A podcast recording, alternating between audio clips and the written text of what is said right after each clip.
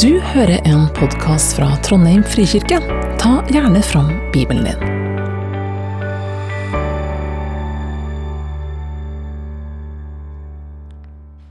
I dag er teksten fra Matteus 4. Først er det vers 12, og så fortsetter vi i vers 17 til og med kapittel 5, eh, vers 2. Da Jesus fikk høre at Johannes var blitt fengslet, dro han tilbake til Galilea. Fra da begynte Jesus å forkynne 'Vend om, for himmelriket er kommet nær'. En gang Jesus gikk langs Galileasjøen, fikk han se to brødre. Simon, som kalles Peter, og hans bror Andreas. De var i ferd med å kaste not i sjøen, for de var fiskere. Han sa til dem, 'Kom, følg meg, så vil jeg gjøre dere til menneskefiskere.' Straks lot de garnet ligge og fulgte ham. Da han gikk videre, fikk han se to andre brødre, Jakob, sønn av Sebedeus, og broren Johannes. De satt i båten sammen med sin far Sebedeus og bøtte garn. Han kalte dem, og straks forlot de båten og faren og fulgte ham. Siden dro Jesus omkring i hele Galilea. Han underviste i synagogene deres, forkynte evangeliet om riket og helbredet all sykdom og plage hos folket. Ryktet om ham spredte seg over hele Syria, og de kom til ham med alle som hadde vondt, og led av, alle, av forskjellige sykdommer og plager. Både de som hadde onde ånder, de månesyke og de lamme. Og han helbredet dem. Store folkemengder fulgte ham fra Galilea og Dekapolis, fra Jerusalem og Judea og fra landet bortenfor Jordan. Da Jesus så folkemengden, gikk han opp i fjellet. Der satte han seg, og disiplene samlet seg om ham. Han tok til orde og lærte dem.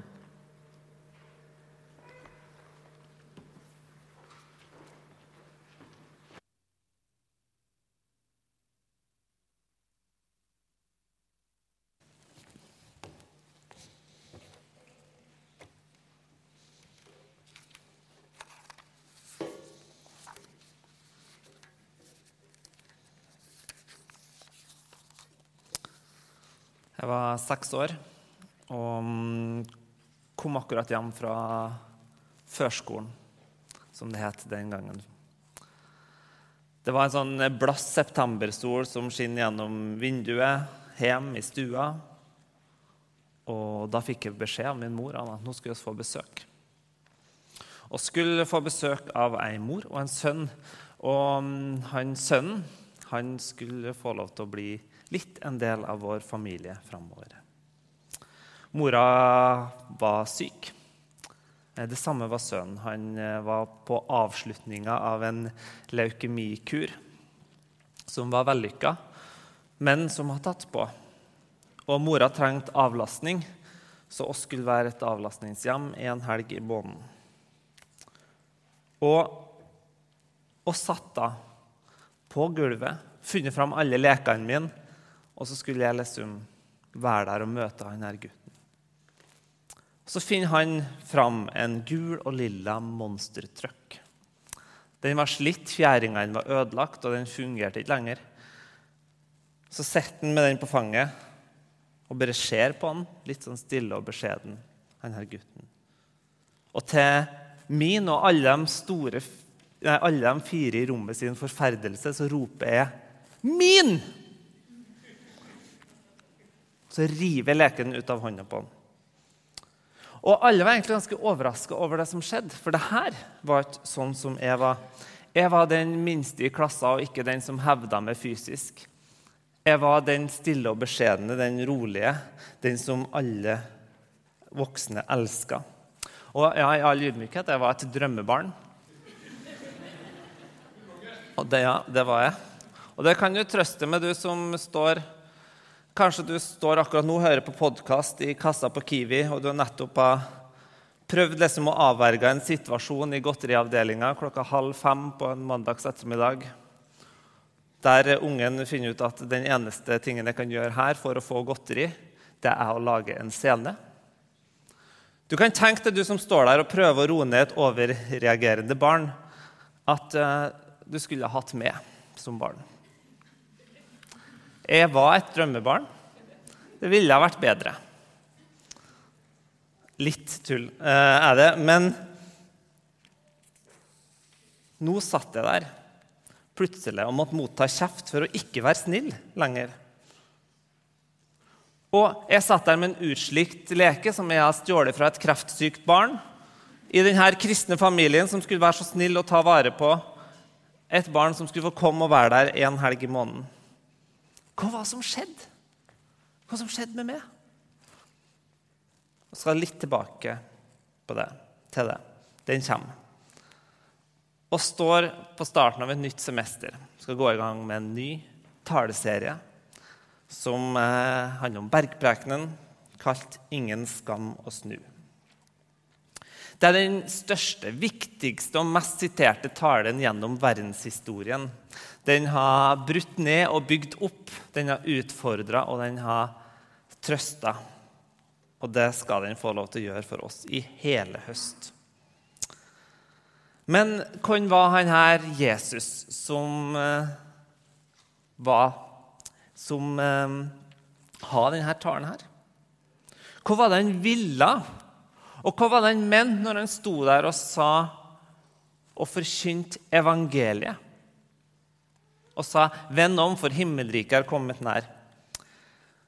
Jesus han trengte å ta med disiplene opp uh, i høyden disiplene og alle folka som fulgte. Så det skal jeg prøve å gjøre det samme. Det er et eller annet med å komme opp på fjellet og se utover, så får du et litt annet perspektiv. Du ser ting i forhold til hverandre. Eller du kan ta turen opp i Tyholttårnet, så ser du plutselig at Trondheim er helt flatt. Og det visste ikke du når du streva deg opp bakkene fra festningen, at det ser jo helt flatt ut. Ting får et helt annet perspektiv når du ser ting overfra. Så nå skal vi ta et lite sånn fugleperspektiv som leder oss fram til dit vi er i dag. Og kanskje er det en litt annen versjon av evangeliet, fortellingen som du har hørt før, men jeg håper du har lyst til å være med. Å starte Det er som en slags film, og jeg skal ta oss til scene én. Den kjenner oss alle. Skapelsen. Gud skaper verden i sitt bilde. Nei, ikke verden i sitt bilde, men han skaper hele verden. Og så avslutter han hele greia med å si det var svært godt. Legg merke til at han ikke sier det var perfekt. Det var svært godt. Fordi at han har en liten han har igjen noen prosent som han inviterer noen til å være med på. Så sier han La oss skape oss en menneske i sitt bilde, og så han dem et bud. Det eneste skapningen som får et veldig tydelig oppdrag, en tydelig velsignelse over seg. Så sier han, vær fruktbare og bli mange. Fyll jorden og legg den under dere. Dere skal råde over fiskene i havet, over fuglene i himmelen, over alle dyr som det kryr av på jorden. I engelske oversettelser så bruker de ordet 'to rule'. Du skal råde over jorden. Gud inviterer mennesket til å være en sånn medhersker eller en sånn forvalter. En som er under Gud, som skal være med å gjøre hans sin skapelse og fortsette med det. For Gud han fortsetter å skape og skape og skape. Og oss blir invitert til å være med på det. Men så kjenner kanskje noen fortellingens eh, fortsettelse. Slangen lurer Adam og Eva til å spise av treet av kunnskapen om godt og vondt. Og forteller dem nettopp at de skal bli som Gud. De skal bli som Gud. De skal sjøl få lov til å definere hva som er godt, og hva som er ondt. Og så skjer jo det at konsekvensen blir at de kan ikke få lov til å være i hagen der det er Gud som bestemmer når de har lyst til å bestemme. Så han må gå ut. Og hva er konsekvensen av å definere godt og vondt på egne premisser? Jo, den første som de før Han dreper bror sin. scene to, så velger Gud et folk. Han kaller en mann med navn Abraham til å starte et nytt folk, et nytt rike, en familie som skal bli en nasjon. en annerledes nasjon. Og Dermed så får alle guttene et merke som de er merka med. Og noen hundre år senere så har Gud gjennomført en massiv redningsaksjon av det folket her. Og etter der så gir de en veiledning, Tåraen, loven, første til femte Mosebok. Og så står det en ting som er veldig viktig i den på oppsummeringa mot slutten. så står det, Når du kommer til det landet Herren din Gud vil gi deg, skal du ikke ta etter alle avskyelige skikker hos folkeslagene der. Nei, fordi som det står i 2. Mosebok 19, så står det dere skal være et kongerike av prester. Dere skal være mellommenn mellom meg, Gud, og resten av verden. Dere skal være med på å være til velsignelse til hele verden, som var noe av det løftet Abraham fikk. Jeg skal velsigne dere, og dere skal være til velsignelse. Og de klarte fint å være annerledes. Det var de gode på. Ja, velsignelsesbiten det var litt vanskeligere. De ble mer et slags sånn prestedømme av konger, som helst ville bestemme sjøl. Rar, men og bare uten kontakt med resten av verden. Scene tre. Israelsfolket er frustrert fordi at Gud han kaller sammen et folk, men han har sagt at han skal være konge. Så han her profeten Samuel han, eh, Det kommer en del øverste ledere til han, og så sier de oss vil ha en konge.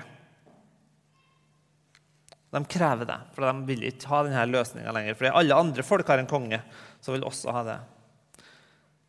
Og da sier Gud til ham, men Herren sa til ham, hør på folket og alt de sier til deg, for det er ikke deg de har forkastet, det er meg de har forkastet, og ikke vil ha til konge over seg. Det har de gjort fra den dagen jeg førte dem opp fra Egypt, og til denne dag.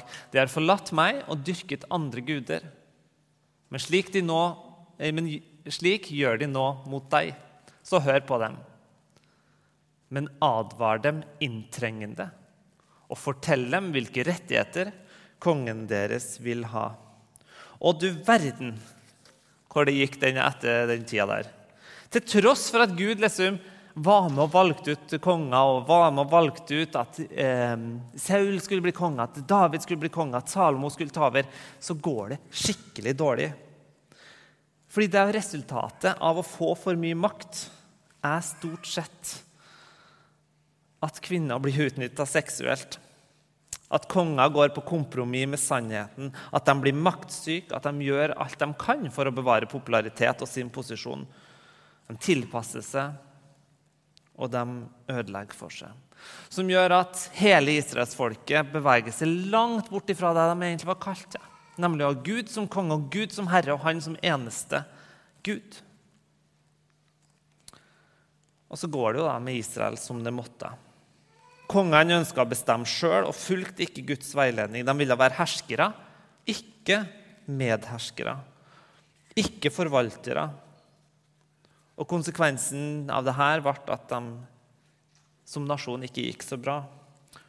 Og Babylonriket, eller det babelske imperium, tok over dem. Så sitter de der. Noen sitter igjen i Jerusalem, noen sitter igjen ved elvebredden i Babylon. Og så kommer scene fire. Det kommer noen røster. Noen mennesker som blir kalt av Gud til å forkynne et budskap, til å fortelle dem at til tross for at verden nå er dritt, til tross for at dere sitter her i fangenskap og har det kjipt, så kommer jeg en dag. En dag så kommer jeg med fred. En dag så kommer jeg med en konge. En dag så kommer jeg og er konge. En dag så skal Ånden komme til alle mennesker, og loven, min veiledning, skal flytte inn i hjertet. Og eh, så sitter de der og, lengter. Og Jesaja tegner et veldig fint bilde av det her i kapittel 52, når han sier hvor vakre de er der de løper over fjellene. Føttene til den som bringer bud, og forkynner fred. Bringer godt budskap, forkynner frelse og sier til Sion, din Gud er konge. Bringer godt budskap, på gresk evangelium, eller gledesbudskap. Evangeliet var ikke noe sånn særkristent ord som var sånn kun til liksom sånn åndelige greier. Nei da. Evangelium det betydde at en konge var født, eller at kongen var til stede, eller at de har vunnet en krig. Og hva er budskapet her? Jo, Gud er konge. Det er evangelium. Og Gjennom historien så kommer denne røsten gang på gang. på gang. Men det er så mange forskjellige røster. Og jeg vet ikke om dere har sett en film type sånn Inception eller et eller annet sånt, der du bare ikke skjønner alle cloua. Det er så mange løse tråder. Du skjønner ikke hvordan, hvordan skal dette her gå opp.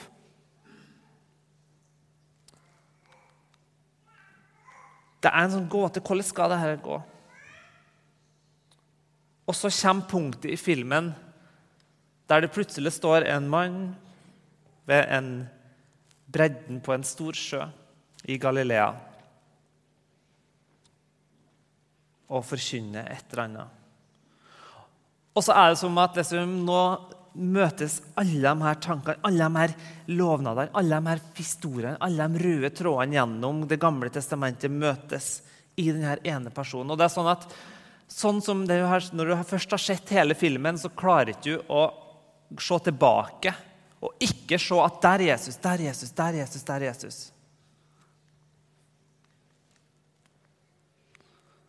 Det her punktet hvor vi ser føttene til kongen kom gående på stranda en stille morgen. Ikke med pomp og prakt, sånn som andre konger. Ikke med å legge sverdet på nakken og be folk underkaste seg. Nei, her står kongenes konge, verdens hersker. Gud sjøl med en stille og enkel invitasjon til fire enkle menn. Følg meg. Følg meg. Og Når Jesus går rundt, så forteller Matteus ganske sånn oppsummerer hva var det Jesus gjorde. Jo, han sier, Så begynte Jesus å gå rundt, og så sier han, 'Venn om'. Venn om. Og Når du hører det ordet, så tenker du kanskje umiddelbart Venn om, slutt å være en slem gutt. Slutt å ta leker fra kreftsyke barn. Vær snill. Vær flinkere og sånn. Men dette ordet her betyr noe mye mer enn det. På gresk er det metanoeo. Snu om betyr det. Få et nytt perspektiv.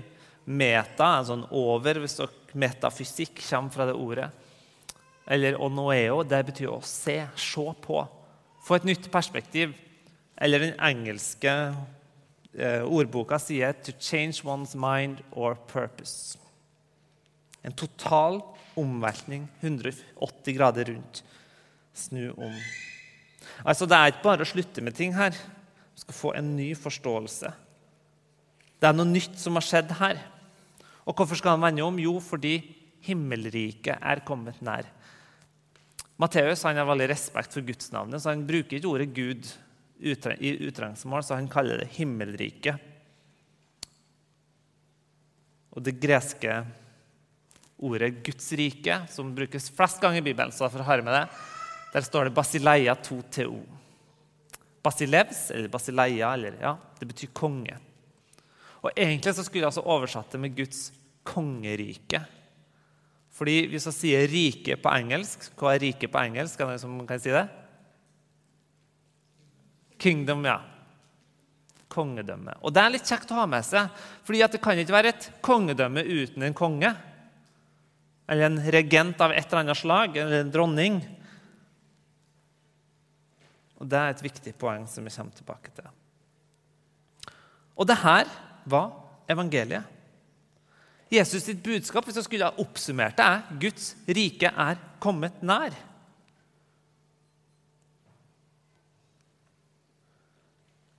Og Da er det liksom noen ting vi må på en måte ha på plass. For Guds rike, hva i all verden er det? Hva i all verden er det her Guds rike, der Jesus er konge, kongenes konge? Jo, for det første så sier teologene at Guds rike det har sånn allerede, men ennå ikke-perspektiv. Det er her litt nå, men ikke fullt helt. Og jeg liker, jeg sånn, jeg har en liten høne å plukke med Matteus. Det skal jeg en gang, så skal jeg si at du burde ikke brukt ordet himmelrike. Fordi da tenker folk umiddelbart når de hører ordet himmelrike, himmelen som destinasjonen når livet er slutt. Men veldig sjelden så snakker Jesus så mye om hva som skjer når livet tar slutt.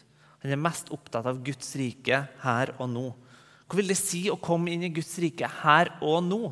Hva vil det si å være en del av min skapelse, mitt prosjekt, mitt rike her og nå? Det er et allerede og ennå ikke. Og Jesus sier det. Guds rike kommer ikke på en slik måte at vi kan se det med øynene. Fordi det er her allerede. Og så er det sånn at en dag så skal det slå ut i full blomst. En dag så skal det få ta over verden. For Guds rike er et opp-ned-rike. Jeg vet ikke om noen av dere har sett 'Stranger Things' liten eh, sånn godbit til dere, er at det minner veldig om Stranger Things og The Upside Down.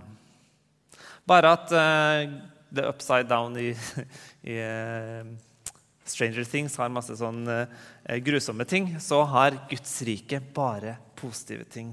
Det er som en sånn annen dimensjon som noen gang trenger gjennom verden, der Gud får makt, og der Gud får lov til å operere. Og jeg syns at livet som kristen blir mye mer spennende hvis det ikke er 70 år på venterom til å komme til himmelen, men at vi kan få lov til å oppleve litt himmel her og nå. At vi kan få lov til å være med, at vi kan få oppdage hva Gud gjør i verden her og nå. Og så skjønner jeg at noen kanskje nå sitter som spørsmålstegn, og det er helt greit, for de gjorde disiplene òg. De fikk bare sånn invitasjon 'Følg meg'. Og så fulgte de. Eller 'Kom og se', som Lise snakka om sist. Kom og se. Og hva var det Jesus inviterte dem med på disiplene? Hva var det de så at Jesus gjorde? Og hvis oss reiser tilbake i tid og se hva var det Jesus drev med da?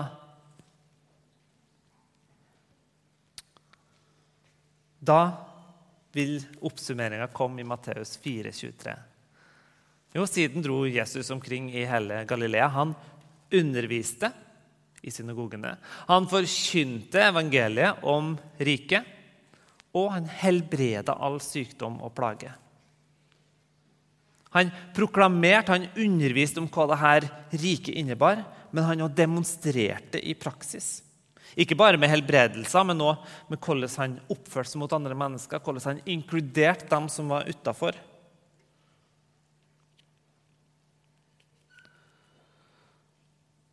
Og så er spørsmålet hva var det han underviste? da? Jo, da bare blas om til neste side, og så kommer bergprekenen. Denne samlinga av Jesus sin undervisning Mest sannsynlig så var ikke dette en tale som Jesus har liksom sånn tre, tre kapittel i strekk. Mest sannsynlig en sånn samling av undervisning som Matteus samler. Så fordi at det er ganske tungt stoff. En trenger litt tid på det. Så hvis han eh, har en tale på, som var sånn der, på 20 minutter, så tror jeg de har vært ganske slitne etterpå. Og Derfor så trenger vi hele høsten nå på å holde på med det. Og det gleder jeg meg til. Men som sagt så er det her ja. Og bergpreken det er på en måte Jesus sine fjellvettregler for livet i Guds rike. Det er der han snur alt sammen på hodet og forteller oss hvem det er som er heldig her i verden. Sånn egentlig sett i Guds rike perspektiv. Hvordan vi egentlig burde ha oppført oss mot hverandre. Det er et slags sånn Han ønsker at vi skal snu litt på vår forståelse av ting. Og derfor så er denne taleserien med de her fjellvettreglene kalt 'Ingen skam å snu'. Men så tilbake til denne gutten på seks år som klynga seg til en monstertruck, lettere sjokkert over sin egen dårlige oppførsel. Hva var det som egentlig skjedde? Jo, jeg vil si, det som skjedde, var at denne gutten året yngre enn meg kom inn på mitt territorium. Dette her var mine leker, og plutselig så kommer det noen andre og skal ta min plass. Dette er mitt lille minikongerike, og her skal jeg passe på.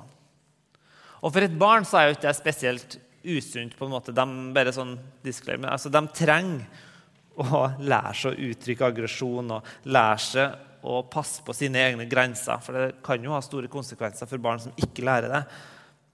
Så det er ikke det som er poenget her. Det som er poenget her, er at oss så veldig lett lager våre egne små minikongeriker som oss skal passe på. Mark Sayers han sier «We want the kingdom, but not the king». Oss vil ha riket, oss vil ha Guds rike. Jeg vil gjerne ha Jesus som frelser på den siste dag, men jeg vil ikke ha han som herre i livet mitt her og nå. Jeg vil gjerne ha fred, jeg vil gjerne ha forsoning mellom mennesker. Jeg vil gjerne at fattige skal løftes opp, at de som er utstøtt, skal bli inkludert. Men jeg vil helst ikke at Jesus skal få råderett over noen andre deler av livet mitt. Og dette er spesielt aktuelt i vår tid, tror jeg. Og så er jeg veldig opptatt av hva som er vårt og mitt og vårt. Og Thomas Neteland, eh, forkynner, pastor og influenser, han skrev en fyrverkeri artikkel i Dagen denne uka her, som jeg anbefaler dere å lese. Og Der skriver han utrolig vakkert. Han skriver det postkristne mennesket er blitt en egenrådig forfatter, enerådig forfatter av sin egen virkelighet og spiller nå hovedrollen i sitt eget personlige kosmiske drama. Jeg synes han skriver så vakkert, for Det handler litt om hvor stort oss ser på vårt eget, og det oss holder på med. Jo, det er et personlig kosmisk drama. Så kommer Jesus og egentlig inviterer oss. Ikke først og fremst til å være flinke, være bedre, være sånn, men han inviterer oss. Har du, Tør du å la meg få lov til å være kongen din? Tør du å la meg få lov til å ha definisjonsmakta i livet ditt? Så kommer Jesus til de her fire fiskerne kaller dem til et liv under hans veiledning hans autoritet. Og de forlater alt og følger ham. Den samme Jesus står foran oss i dag og inviterer oss til å følge ham. Når Jesus møter noen i Bibelen, så får noen kallet til å forlate alt. Mens andre får beskjed om å gå tilbake hjem til der de var fra, og være disipler der. Oskar Skarsaune, som har skrevet bok om bergprekenen, han forteller at han er kirkehistoriker og forteller at allerede fra urkirken så var det en kjent sak at noen fikk kallet til å forlate alt og gå rundt og være disipler på den måten, mens noen fikk beskjed om å være der de er.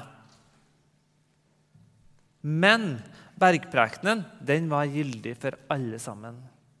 Det var ikke gyldig bare for et A-lag som fikk B-laget sitt for seg sjøl. Nei, alle skulle få lov til å utfordres og leve den. Og dermed så kommer hele den, høsten her, den til å utfordre oss alle sammen. Det kommer til å være litt forskjellig fra person til person. For Kanskje syns du det Jesus sier om penger og, og eiendeler, sånn, det er helt gull, men det Jesus sier om å tilgi det syns du er vanskelig. Eller kanskje syns du det Jesus sier om å elske sine fiender, det er jo helt topp. Men den der Jesus krever av min seksuelle integritet, det blir for vanskelig å forholde seg til. Men utfordringa vår er som sagt ikke først og fremst å resonnere oss fram til å bli enige med Jesus, men å utfordre oss til å tro på Jesus. Stole på at når han sier det han sier, så er det for at det er det beste for oss. Han kun ønsker oss det beste. Og Det kan stikke i hjertet. Det kan utfordre oss. Men jeg tror at vi finner å hvile i det. At vi ikke ønsker at vi skal slite oss ut og streve oss fram og trekke oss sjøl i nakkeskinnet. Fordi Jesus sitt mål, ikke er at oss skal bli bedre kristne. Nå skal vi gå inn i responstida, du kan få muligheten til å respondere til Gud. Tenke, be, sitte ned, være med i lovsangen gjerne. Og, og, kanskje skal du be over og tenke om det er noe i livet mitt der Jesus ikke får lov til å få herredømme, der han ikke får lov til å være konge.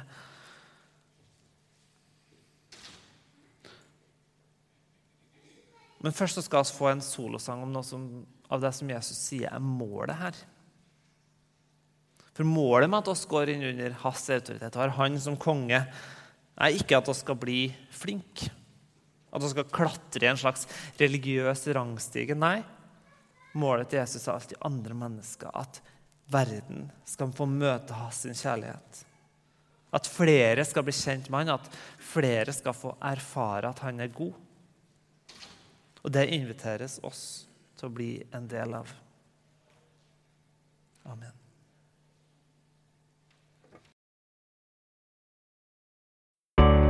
Takk for at du hørte på. Velkommen til gudstjeneste søndager klokka 11. Mer informasjon finner du på trondheim.frikirke.no.